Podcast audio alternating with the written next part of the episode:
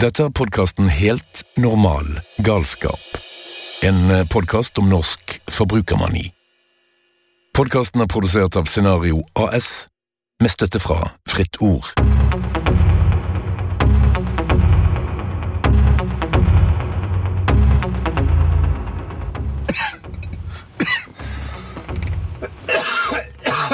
Oi, beklager, jeg fikk en, Fikk du en milliardær i halsen? Jeg fikk en skikkelig bemidla fyr som har kjent seg rik på en app litt for fort i halsen. Ja. Men du, vi må jo ha, vi må jo ha noe som kan gi oss litt perspektiv, da. Sant? Her er noen på blokka. Ja, og du snakket jo om at du hadde lest en bok. Jeg har skumlest i, eh, i eh, Linn Stalsbergs bok 'Det er nok nå'. Linn Stalsberg er norsk forfatter, skribent og journalist. Jeg møtte henne i Botanisk hage midt i Oslo, og spurte henne om hun tror at eh, det norske folk har det i seg til å snu denne forbrukertrenden og galskapen vi holder på med. Ja, men da tror jeg at vi først må begynne med uh, hva er det norske folk? Altså, kan vi snakke om et kollektivt vi? Kan vi si at vi uh, forbruker for mye? Det norske folk forbruker for mye som en sånn enhetlig gruppe mennesker, da. Og det er der jeg mener at vi må liksom våge å problematisere det og tenke at nei, vi er ikke alle like. Det er ikke alle som forbruker like mye. Vi har et samfunn hvor det er et stort luksusforbruk, selvfølgelig. Eh, Altfor mye. Men vi har også et samfunn hvor folk ikke får hverdagen til å gå rundt. Og man ikke engang har råd til det aller mest nødvendige. Og det, det kommer kanskje en veldig sånn situasjon frem nå med energikrise, inflasjon, høye matpriser, at noen merker dette. Så hvis vi skal snakke om forbruk og luksusforbruk og overforbruk og de tingene som dere er opptatt av, som jo er det glade vanvidd på mange, mange måter, så må vi også våge å ta med den sosiale komponenten i det og klasseperspektivet i det. eh, Og forstå at eh, liksom den moralistiske overtonen om at vi forbruker for mye og vi reiser på helgeturer og vi, vi drar på hytta og vi har biler og sånn, det, det kan virke veldig eh, provoserende eh, for mange, også i Norge. Men, men, men hvem er det som forbruker så mye, da? Altså, Er de synlige? Jeg tror om bilen stopper, kanskje? Eller? Hei. Tomgang. Tomgang. Tomgang. Den går på tomgang. Og her har vi, dette er jo sikkert litt av, dette er jo litt av det der markedssamfunnet jeg skriver om. Her har man satt ut tjenester til eh, mange forskjellige firmaer. Han er sikkert, ansvar eh, i Han er sikkert dårlig betalt. Han jobber på Med all respekt for tid. arbeid. Jeg ser det på bussjåførene også nå. De kjører altså fortere enn noen gang for at de skal rekke ruten sin. stakkars folk. Hva skjer med yrkesstoltheten. Ja, nei, men vi var på fortsetter.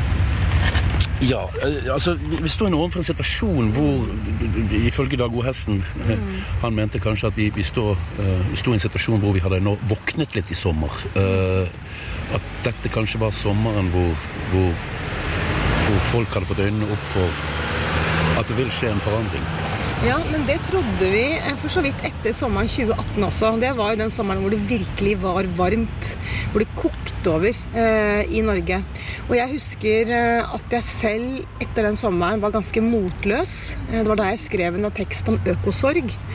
Som fikk en del oppmerksomhet. Og det tror jeg ikke var fordi den var så veldig briljant, men fordi at det var mange som hadde følt på det samme da, etter den sommeren. Så det er jo det som er liksom som plager meg mest for tida, er jo at vi kumulerer stadig mer kunnskap og erfaringer, både individuelt og kollektivt, lokalt, globalt.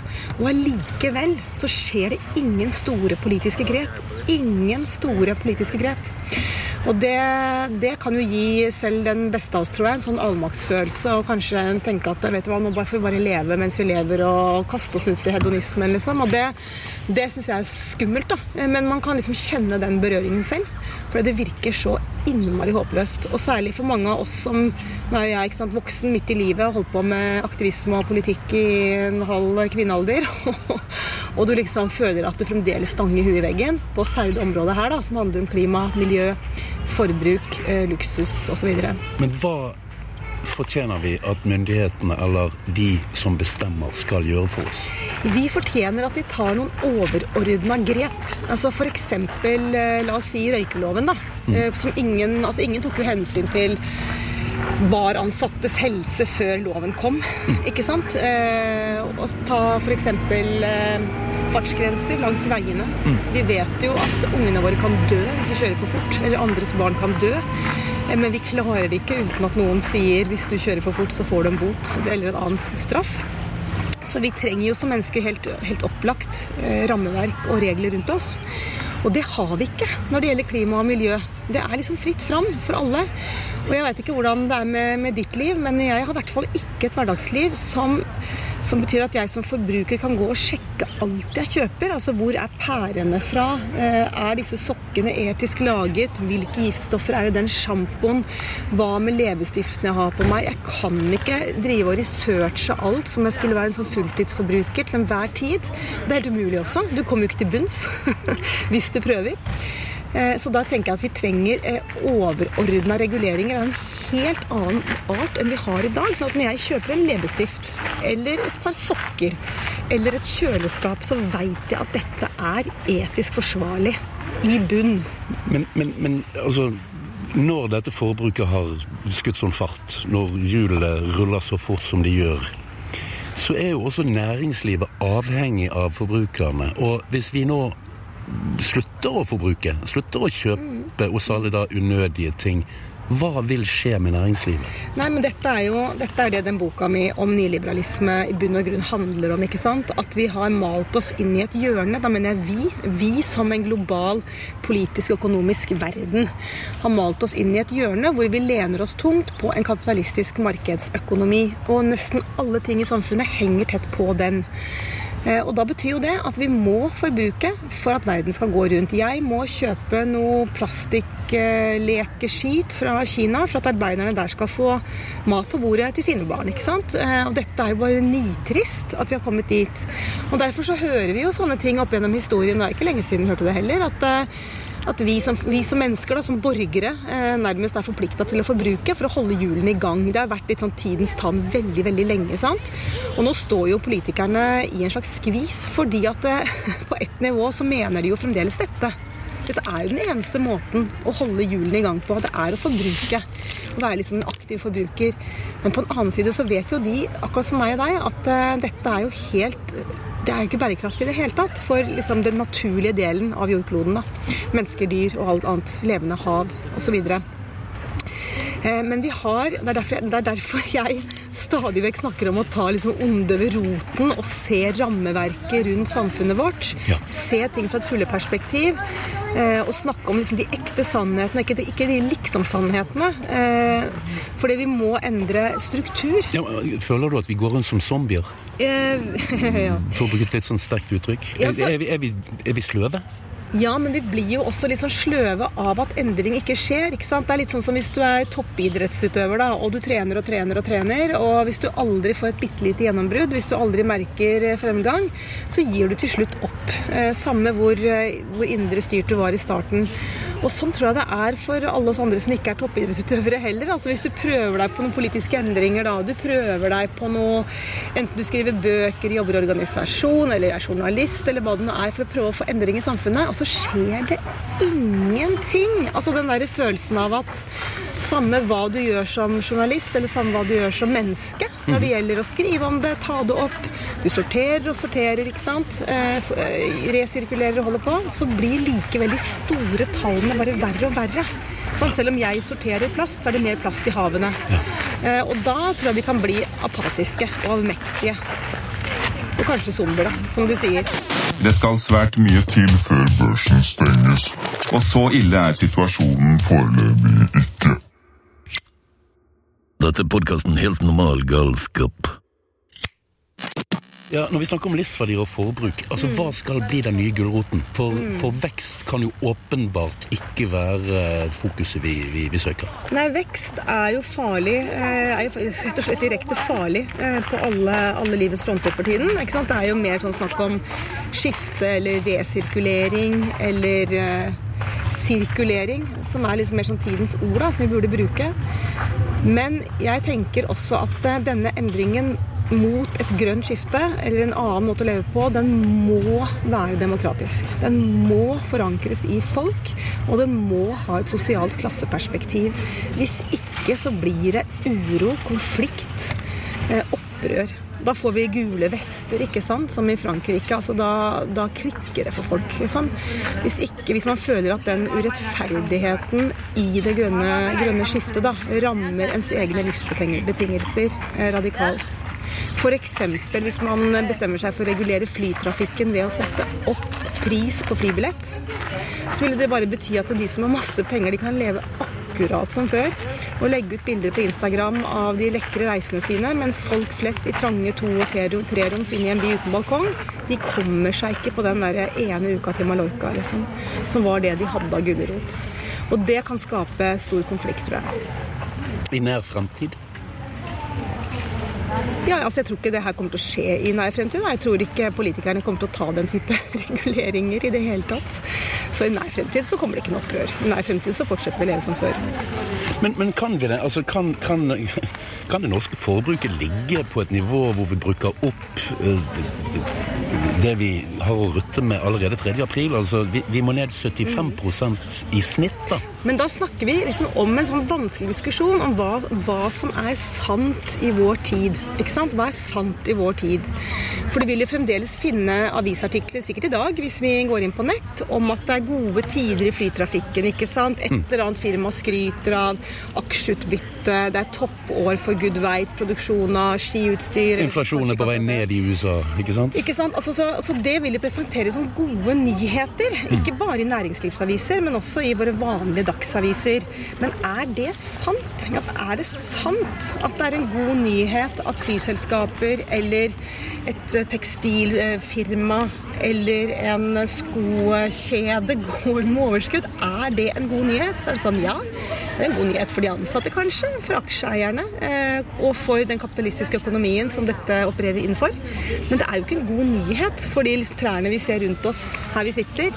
Eller for dyreliv eller for menneskeliv i andre deler av verden, da, som produserer disse tingene for en billig penge. Suksess i næringslivet. Hva, hvilken verdi har det nå fremover? Nei, Suksess i næringslivet har jo fremdeles en veldig høy verdi. Sant? Altså, Vi har jo suksesskriterier i vår kultur som virker veldig vanskelig å rokke ved. Det er jo bare å gå inn på et eller annet sosialt medie. Det er bare å snakke med en ungdom. Sant? De vet hva som gjelder. Hvilke klær de bør ha, hva slags ferier de bør reise på. De drømmer fremdeles om å bli rike, mange av dem. ikke sant? Og reise og leve det gode liv, da. Og det er jo ikke rart, for det er jo det vi har liksom planta inn i dem så lenge de har vokst opp. Bare se hvordan vi dyrker kjendiser og luksusliv og hytteliv og reiseliv. Og fine klær og vakre kropper, ikke sant? På jeg, jeg, jeg, følte meg veldig skyldig. Jeg var på ferie i Middelhavet i sommer med tre gutter og, og, og, tenkte i ettertid hva i all verden er det jeg har gjort? Jeg kan, jeg kan jo ikke gjøre dette lenger.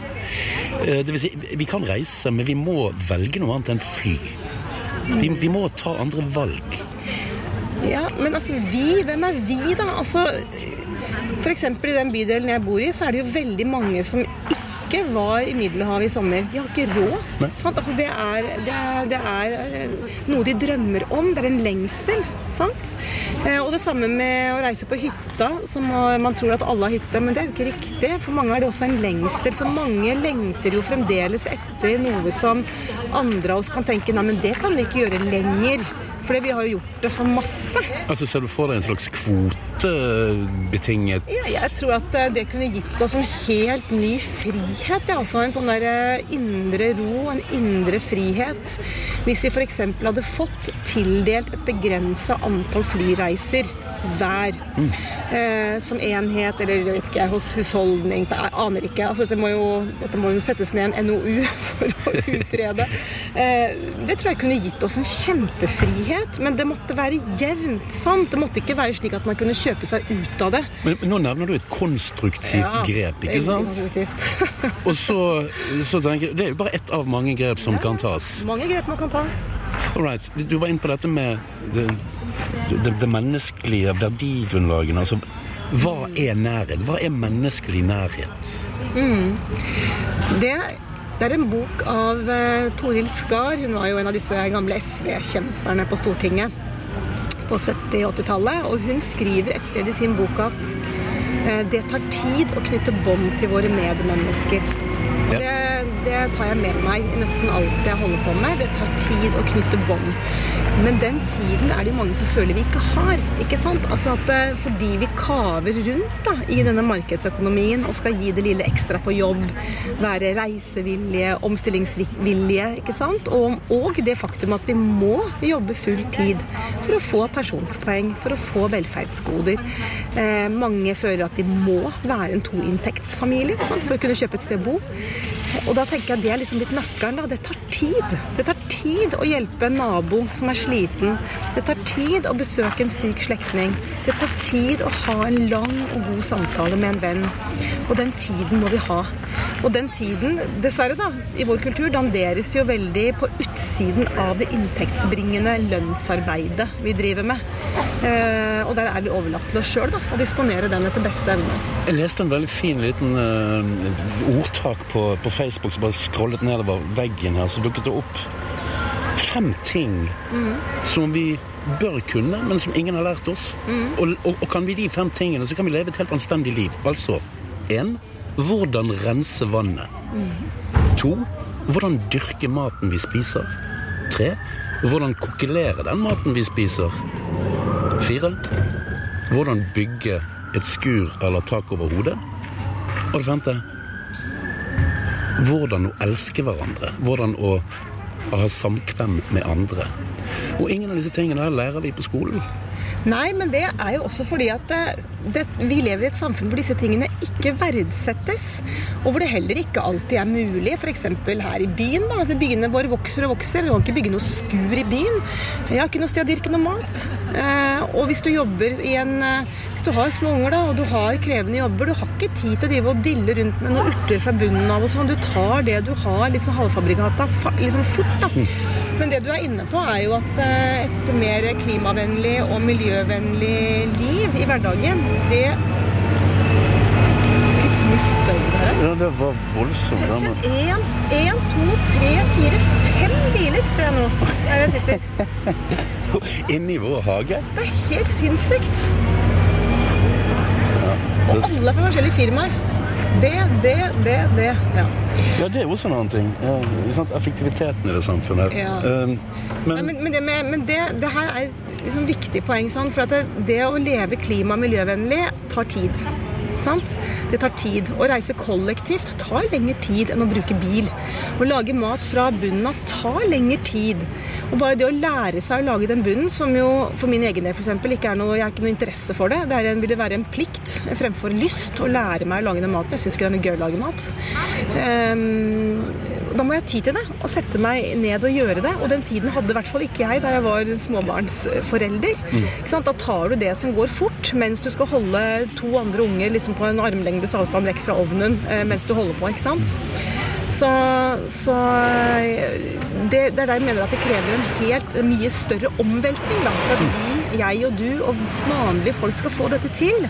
Og så ender vi, ender vi opp i sånne kunstige, kunstige sannheter. ikke sant? Som at noen lever veldig miljøvennlig, da. Fordi de har elbil, f.eks. Ja. Men hvem er det som én har råd til eh, elbil? To har parkeringsplass til den elbilen. Tre kan lade opp den elbilen. Det er ikke, ingen av de tingene er spesielt lett eh, i Oslo sentrum eller i bysentrum. Så vi kjører kollektivt. Det tar lengre tid. Eller at noen kan slå seg på brystet og si at det er så deilig med nærferie. Vi reiser aldri til utlandet lenger. Men det er jo greit å si hvis du har en hytte ved havet eller et landsted på landet eller hytte på fjellet. Mm. Men det er mange som ikke har. Men det du har, er den ene uka på Mallorca. Ja. Ikke sant? Som holder liv i deg og familien din. Nei, altså Vi snakket om livsverdier, Ja. om, om, om, menneskelig nærhet. fordi dersom denne omveltningen du ettersøker, skal finne sted, så handler jo det at vi mennesker må snakke sammen. Vi må, vi må engasjere oss på et, på et nært plan. Men, men vi må organisere oss, ikke sant? Altså, det er jo ikke sånn at man kan sitte hver på sin tue og bestemme seg for at nå skal jeg lære meg å elske mine medmennesker, nå skal jeg lære meg å lage mat fra bunnen av, nå skal jeg lære meg å bygge det skuret. Eh, Hvis du lever i det systemet hvor du skal jobbe syv og en halv time hver dag, pluss at du har reisevei, så for mange er jo det ni timer av dagen da, som bare går bort der. Legger du på en time til til frokost og får ungene opp, så er det ti timer. Det er ikke så mange timer igjen, og da er man sliten. Sliten, sant? Det er ikke da du har kjempelyst til å kaste deg rundt på og liksom, eh, kanskje gjøre noe, noe enda, enda mer liksom såkalt konstruktivt ut av den dagen. Og da må det endringer til, som f.eks. kortere arbeidsdag sant? for alle. Eller fire dagers uke for alle. Eh, mer fleksibel arbeidstid, altså at du kan jobbe 20-30-80% avhengig av hvor du er i livsløpet ditt, men fremdeles ha tilgang til universelle velferdsordninger. For i dag er det jo sånn ikke sant, at hvis du jobber deltid, så får du også bare deltidsrettigheter i velferdssamfunnet vårt. Jeg som frilanser, eh, som næringsdrivende, jeg har nesten ingen velferdsrettigheter i vårt samfunn. Og det tenker man jo ikke over. Hvis man har en full og fast jobb, da kommer jo dette for gitt. Men i all den tid man avviker fra det, enten ved en deltidsjobb eller som frilanser, så kjenner man på at man ikke lenger har de rettighetene. Og da må det strukturelle endringer til. Ellers må man kjøpe, det, kjøpe seg alt privat. Og da er jo det igjen en sånn Ja, det er for de, for de ressurssterke, da. Dette er podkasten Helt normal galskap. Jeg eh, kommer faktisk til å tenke på det at jeg får hele tiden stadig vekk et bilde av vårt samfunn At det hele tiden skal benyttes ny kapitalisme for å redde den gamle kapitalismen. Ja, det er litt sånn plaster på plasteret. Altså, Jeg tror ikke vi mennesker er i stand til å la oss inspirere av kampanje og retningslinjer og direktiv. Jeg tror dessverre vi må faktisk ha, eh, som Linn Stalsberg eh, så kraftig antyda, et strengt lovverk som regulerer oss. Så for å være litt ubehagelig en stund da. Sant? Men den eneste måten å få folk til å stoppe i et farlig kryss på, det er å sette opp et rødt lys. Nå må alle piler peke i samme retning. Vi er nødt til å vise vei. Vårt samfunn på skarve 5,5 millioner. Vi kan faktisk ikke gå ut og snakke med de andre store, stygge ulvene i, i verden uten at vi setter en stor brems på vårt eget forbruk. For vi er verst i klassen. Vi er, altså, vi er, vi er så ille ute. Ja, men det er jo derfor jeg har så tro på dette prosjektet her også. Ikke at du og jeg skal frelse verden, men kanskje vi kan være med å hjelpe og, og vekke oss alle litt. Ikke sant? Meg sjøl inkludert. Mener du, Fredrik, at du er profetisk? Nei, ikke at jeg skal være profetisk, men jeg, vi må jo filleristes litt. Og jeg, jeg, jeg, må bli fillerista sjøl også. Dette er podkasten Helt normal galskap. Vi skal tilbake til intervjuet med Linn Stalsberg, sosiolog og forfatter av boken eh, Det er nok nå. Vi spurte henne hva er nyliberalismen? Nyliberalisme er ganske enkelt et annet eh, ord for vår tids kapitalisme. Vil si en form for kapitalisme som har pågått verden over de siste 40-45 åra. Som handler om å lene seg tungt på markedets eh, kraft. Men ikke bare å lene seg på markedet, men også i tillegg å legge til rette for markedet. At statens rolle i stor grad har blitt å legge til rette for markedet. Stikkord ikke sant, er jo sånne ting som anbudsrunder. Det er jo nettopp det stater har eh, for å kjøpe inn eh, private markedsaktører. da, Til å tilby alt fra vet ikke, eh, pleie av parkene våre til eh, sykehjem og tog. For eksempel, og de endringene har kommet sakte, men eh, de er, eh, de er her for fullt. Nå har de etablert seg. Vi, er- vi regner med det, altså det, det, det vanlige hverdagen vår er nyliberalistisk Vi tankegang. lever i en nyliberal epoke. Eh, om det er det liten tvil. Så kan man synes at det er bra eh, å heie det frem. Eller man kan synes at det er så vanlig at det fins vel ikke noe alternativ. Eller man kan tenke at det er synd. Som jeg tenker. Dette må vi bli kvitt. Men hva er alternativet? Eh, Det fins mange Altså igjen så er det sånn Vi mennesker er jo fantasirike. Sant? Det fins mange gode og tenkende mennesker. Og det, noe av det første jeg lærte som politisk aktivist, var jo å forstå sånne ting som at eh, økonomi ikke er naturvitenskap. Hva er alternativet til nyliberalismen? Jo, eh, nyliberalismen lener seg på en økonomisk sant? Et, et økonomisk system som er gjennomarbeida gjennom mange år. Dette er liksom en slags økonomisk skole da, eh, som mange bekjenner seg til. Ja. Og når man holder på lenge nok med politisk aktivisme, som jeg har drevet med, og lest masse bøker, så skjønner man etter hvert at økonomer er ikke nødvendigvis enige med hverandre. Det fins mange økonomiske skoler, det fins mange måter å bygge et økonomisk system på. Og dette kan jo høres opplagt ut, men det var ikke opplagt da jeg var ung. Da trodde jeg jo at tall er tall, liksom, og at økonomi nærmest var en form for naturvitenskap. ikke sant? At eh, sånn er det jo. Eh, For tall kan jo ikke lyve. Eller tall er jo tall. Men så, så erfarer man etter hvert at det er det jo ikke. Og det vil si at det fins mange økonomer andre modeller for samfunnet enn det vi har i dag. Men det er ikke de som har makt. Det er ikke de som lyttes til av politikerne per i dag. Og det er jo sånne ikke sant, liksom populærvitenskapelig så har man hørt om sånn smultringteorier, ikke sirkulære økonomier, økonomier som går mer eh, rundt, da, ikke sant? Hvor, du, hvor alt vi bruker og forbruker skal gjenvinnes osv. Og, så og det er én én metode. Så finnes det jo andre politiske systemer som handler mer om å lene seg på borgerlønn, f.eks. Fremfor alle disse sosialstønadene vi driver med. Eh, og tenker at det kan være en måte å, å fremme et annet samfunn for, da, med, på, med andre verdier i bånn osv. Så, videre. så det fins en hel drøss med, med fantasirike og kloke tenkere eh, som, som sikkert gjerne hadde tatt en prat med det politiske elitelaget og kommet med sine innspill. Og for ikke å snakke om det mest nærliggende er jo å snakke om en annen skattepolitikk. ikke sant? Vi kan skattlegge på en helt annen måte. Vi kan innføre ting som Det er sikkert veldig radikalt, da, men vi kan innføre ting som makslønn. Ikke sant? Hvorfor skal noen tjene mange millioner i året? Hvorfor det? Hvis vi mener at alle mennesker har like mye verdi, som vi liker å si i sånn pompøse ordelag, hvorfor har vi da en økonomi som forskjellsbehandler så grovt? Men eh, når du da peker på disse tingene, så, så minner jo det om en økonomisk tankegang som man gjerne eh, putter inn i det sosialistiske, kommunistiske perspektivet, hvor, hvor, hvor planøkonomien eh, regjerer. Det er jo en sånn veldig stygg fordom eh, som man ofte blir møtt med. Og det syns jeg er litt sånn, litt sånn dårlig gjort, på en måte. fordi at eh, For det første så var jo verken Sovjet eller DDR på noen måte sosialistisk. Det var jo statskapitalistisk. Staten grafsa til seg, og det var en veldig dårlig fordelingsordning. Så det har ingenting med sosialisme å gjøre. Men for det andre så er vi jo et helt annet sted nå enn for liksom 70 år siden. Og da man snakker om liksom Øst-Europa og Sovjet. Vi har en vanvittig klimakrise og, og naturkrise og økonomiske kriser i fleng. Sant? Altså jeg mener at de som bærer bevisbyrden i vår tid, er kapitalistene.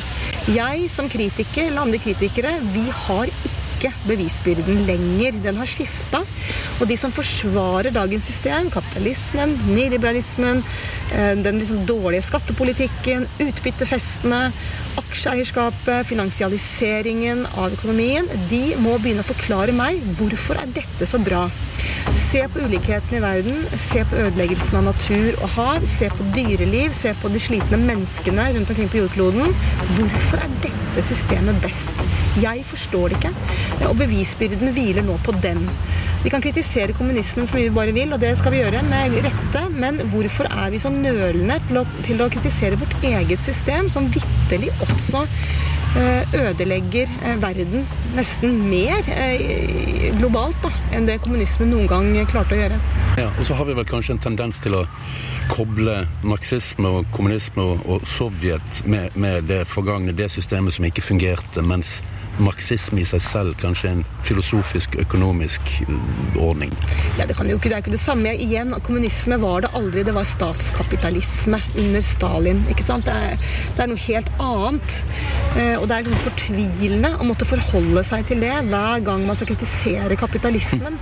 Fordi mitt utgangspunkt er så enkelt som at alle mennesker er like mye verdt. Og kapitalismen driver en politikk og en økonomi som forskjellsbehandler brutalt. Eh, Og jeg forstår ikke hvorfor vi skal omfavne et sånt eh, system. I, I boken din så skriver du at sorg er prisen vi betaler for kjærlighet. Og i et fremtidig samfunn hvor vi som forbrukere må gi slipp på noe av den livsstilen vi fører eh, Vi ser at arter rundt oss forsvinner. Eh, nesehornet blir borte. Eh, planter blir borte. Hvor er insektene henne? Hvor er biene? Hvor er sommerfuglene? Kan det oppstå en menneskelig sorg? Altså kan vi gå inn i en en dystopisk tilværelse hvor, hvor, vi får angst, hvor vi blir deprimerte? Altså Det som er faren med endringer i naturen, er jo det som det, det begrepet som kalles shifting baseline, shifting baseline syndrome. ikke sant? Som er et sånt eh, begrep som brukes når man snakker om økologisk sorg. Og det vil jo si at eh, den naturen jeg kjenner, er den jeg sørger over, forsvinner. Mens mine barn, som vokser opp da med mye færre insekter, færre dyra, eller fuglearter rundt seg, færre lyder fra fugler rundt seg. De vil jo ikke savne det. De vil savne sin tid, og dermed så forskyves savnet ja. på en sånn sakte måte som gjør at, eh, at naturens eh, nedadgående prosess da, får gå sin gang uten at vi griper radikalt inn. Fordi med generasjoner så forflytter også forventningene seg. Vi, vi merker det ikke så godt. Vi kanskje. merker det ikke så godt, fordi at jeg vokser jo opp også oppvokste opp med en helt annen natur enn mine besteforeldre gjorde, f.eks.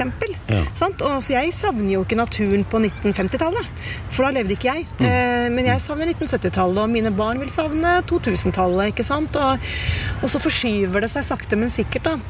Men jeg tror nok at eh, nå virker det jo som, uten at man skal foregripe tragedien altfor mye, men det virker jo som klimakrisene kommer nå oftere og oftere eh, i verden. Så det kan jo være at, eh, at, det presser frem noen tiltak. Men du ser jo hver gang disse krisene skjer, så er jo FN på banen med en gang. Og de har gode rapporter, gode folk. De er veldig liksom, dramatiske i sine beskrivelser. De sa jo sist, i fjor eller, eller eh, forrige fjor, det husker jeg ikke, at nå må vi endre det økonomiske systemet. Det kommer fra FN selv. Ja. Sant? Ja. Dere gjør ingenting, dere går rundt i søvne.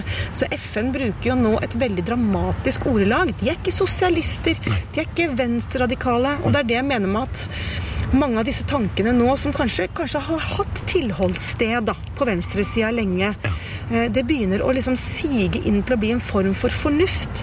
Eh, og så må eh, høyresida og kapitalistene begynne å forsvare seg litt.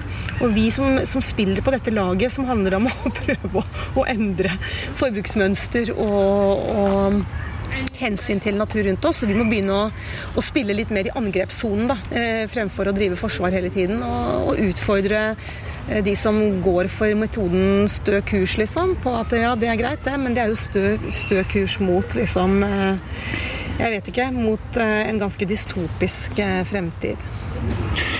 En ting er det norske perspektivet, så har du det geopolitiske perspektivet. og Vi, vi puster alle den samme atmosfæren. ikke sant? Det regnet som faller i Norge, det, det, det er ikke vårt regn. ikke sant? Men har vi nordmenn, da, Eh, som sitter tross alt på denne høye hest her oppe i nord, med et ganske mye bedre utgangspunkt enn mange andre land. Har vi det i oss til å samle oss i en dugnad? Kan vi ta noe tak? Vil det ha noen effekt? Mm.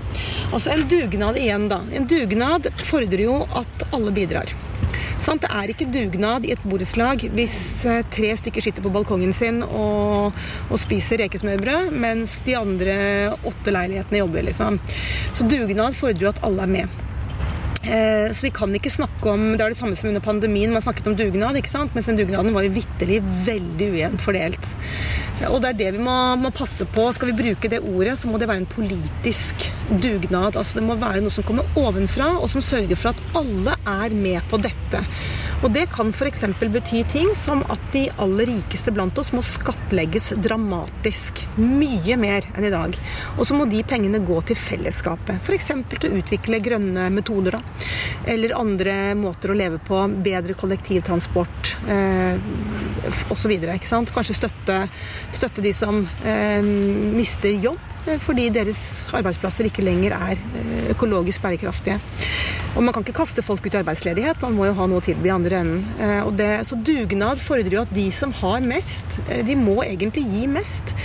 Og på, et, på, på en, altså økonomisk da, og på verdensbasis så er det klart at vi i Vest-Europa og i USA, Canada, Australia Det er jo vi som flyr mest. Det er jo vi som reiser mest. Det er vi som er disse ødeleggende masseturistene. Altså se Hvilken som helst da kan du gå inn på sånn flyradaroversikt, ikke sant? og så ser du hvor flyene i verden er. Og de er jo sånne klumper over Europa og USA. Og så er det ja, litt Asia, selvfølgelig. Kina. Eh, Men i Afrika så er det jo tre-fire fly på, på radaren, også i en sånn cluster. da. Ja.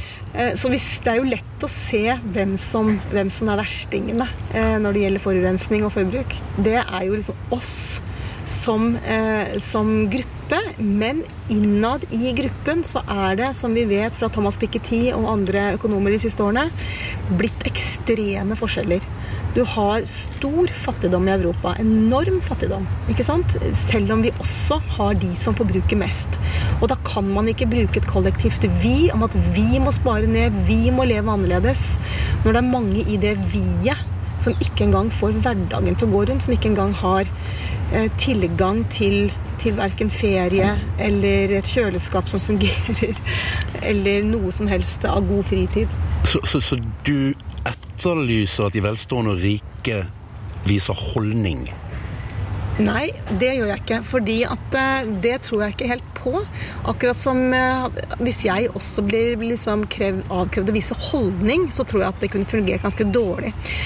Eh, Men de, det må tas politiske grep som gjør at de blir tvunget til å avse noe av de ressursene de har, som de strengt tatt ikke trenger for å leve et veldig godt liv på jorda. Er den tanken i dag mer radikal eller mindre radikal enn om du hadde sagt den for 20 år siden?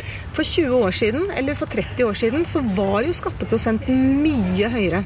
Både i USA og i Storbritannia på 70-tallet så skattla man jo de rikeste mellom 70 og 90 prosent, Som jo i dag er helt, eh, er helt? Og så har det liksom skledd ut, da, til, liksom skledd ut til, til lavere og lavere skatteprosenter.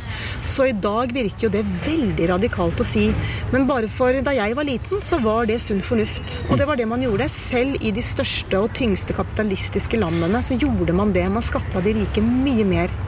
Eh, Og det gjør vi ikke i dag. Så, så sunn fornuft eh, er lik eh, sunt bondevett. Hvor, Ja. hvor er det med det? Altså, Sunn fornuft er jo ikke det samme i dag som for 20 eller 70 år siden. Det er ingen statisk sunn fornuft.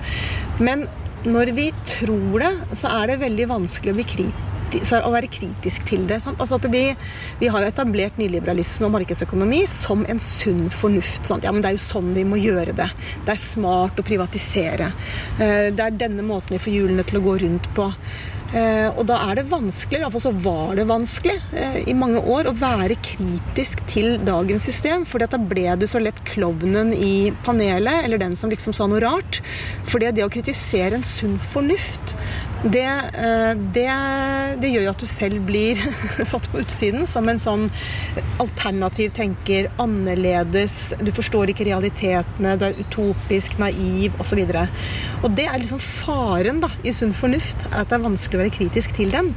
Og da tenker jeg at vi i Norge, som i alle andre land, må forstå at det som er vår tids sunne fornuft, også er et politisk valgt system. Og det er helt legitimt å være kritisk til det. Det er en sunn, demokratisk debatt å være kritisk til sunn fornuft. Eh, Og hvis vi slutter med det, så er jo demokratiet i spill. Ikke sant? Da er det svakt.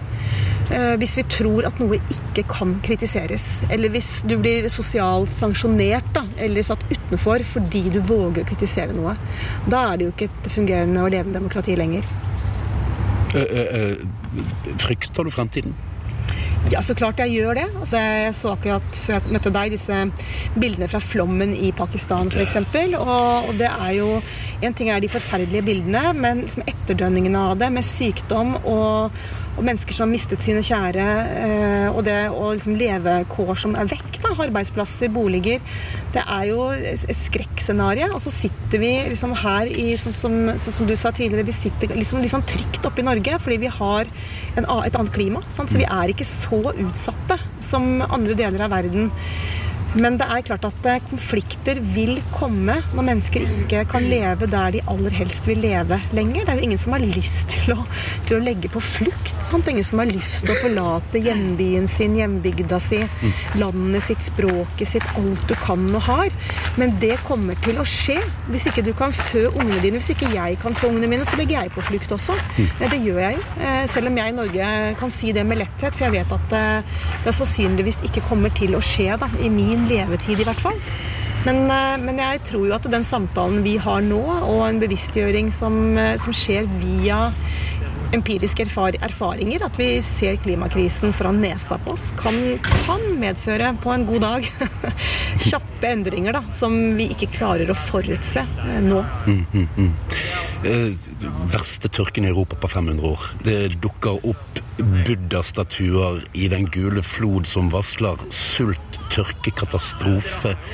Eh, menneskeheten har jo vært der tidligere, så vi, vi får advarsler på, pga. denne tørken. Flom i Pakistan, eh, naturkatastrofer, branner. Eh, vi kjenner det på kroppen, alle sammen. Vi kjenner det Hver dag så er det katastrofemeldinger i avisene. Det er nesten åtte av ti meldinger i media i dag knyttes til klimakatastrofen. Mm. Samtidig så er det jo ikke sånn at vi alle eh, kjenner på det. Noen kjenner på det mer enn andre. Eh, og mens det er tørke i Europa, mens det er flom i Pakistan, så sitter jo jeg her i en ganske behagelig eh, temperatur på en fredag og drikker en kaffekopp, og jeg skal hjem og lage taco eh, til ungen i ettermiddag, og livet går sin vante. Ja, Vi lurer på liksom. hvilken Flix-serie vi skal se på. Ja, det gjør vi, og det skal vi også gjøre. Det som er, det som er et av mine sånne Jeg syns det er veldig viktig også, å liksom si at vi skal jo leve mens vi overlever. Ja. Altså, vi skal jo ha et godt liv. Vi skal drikke den champagnen hvis vi vil det. Vi skal danse, vi skal le med ungene våre, vi skal se den kjempebra Netflix-serien. Jeg vil spise god mat. Vi skal spise god mat. Vi skal, liksom, vi skal leve. Hvis vi ikke ikke viser barna våre at det er verdt å leve, ja. eh, hva skal de kjempe for?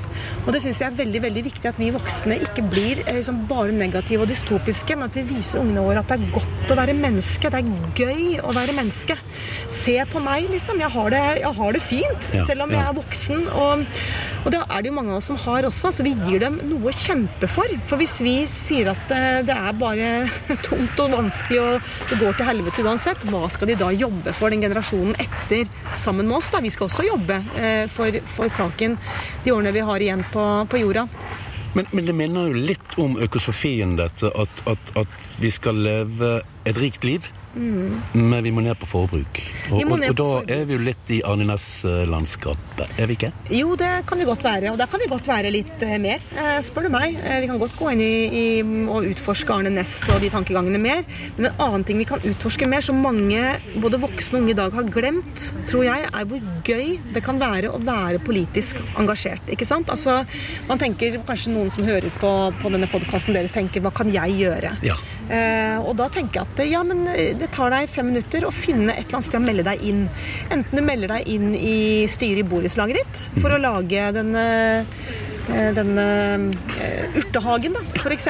Ta et lite grep der. Eller du melder deg inn i et parti, en organisasjon, velforeningen. Uh, om det er antikrig du er opptatt av, om det er klima du er opptatt av. altså et eller annet for en sak. Vi oppfordrer til engasjement, vi. Ja, men jeg tror at det folk glemmer, er Eh, hvor gøy det er. Altså Man sitter her og diskuterer politikk. Mm. Det kan være alvor, man kan være redd for atombomber eller tørke. ikke sant? Men det man gjør etterpå, er jo gjerne å gå ut og ta en øl eller en kaffe, og så flørter man litt med noen. Mm. Man får seg en ny venn. Eh, man har julebord. Altså Det er veldig mye morsomt i disse bevegelsene. Og det tror jeg en del eh, både voksne og unge har godt av å bli minnet på. Da. Og, at man også der kan da knytte bånd til disse medmenneskene som man kanskje savner eh, hvis man er ensom. At det er ikke liksom bare drøvtyggeri og tungt og deprimerende. Tvert om så er det, er det, er det morsomt.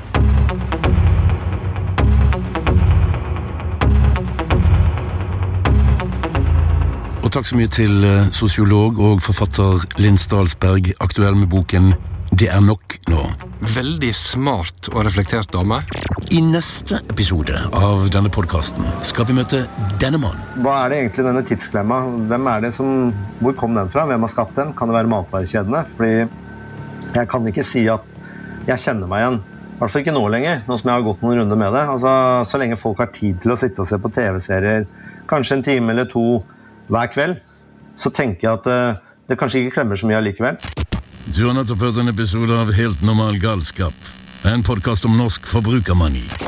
Sørg for at du på podkasten ved å klikke på RSS-ikonet i din avspiller. Vi har lyst til å komme i kontakt med deg, vi vil høre hva du tenker. Sjekk ut vår Facebook-side for kommentarer om det du lyttet til. Takk for at du lyttet.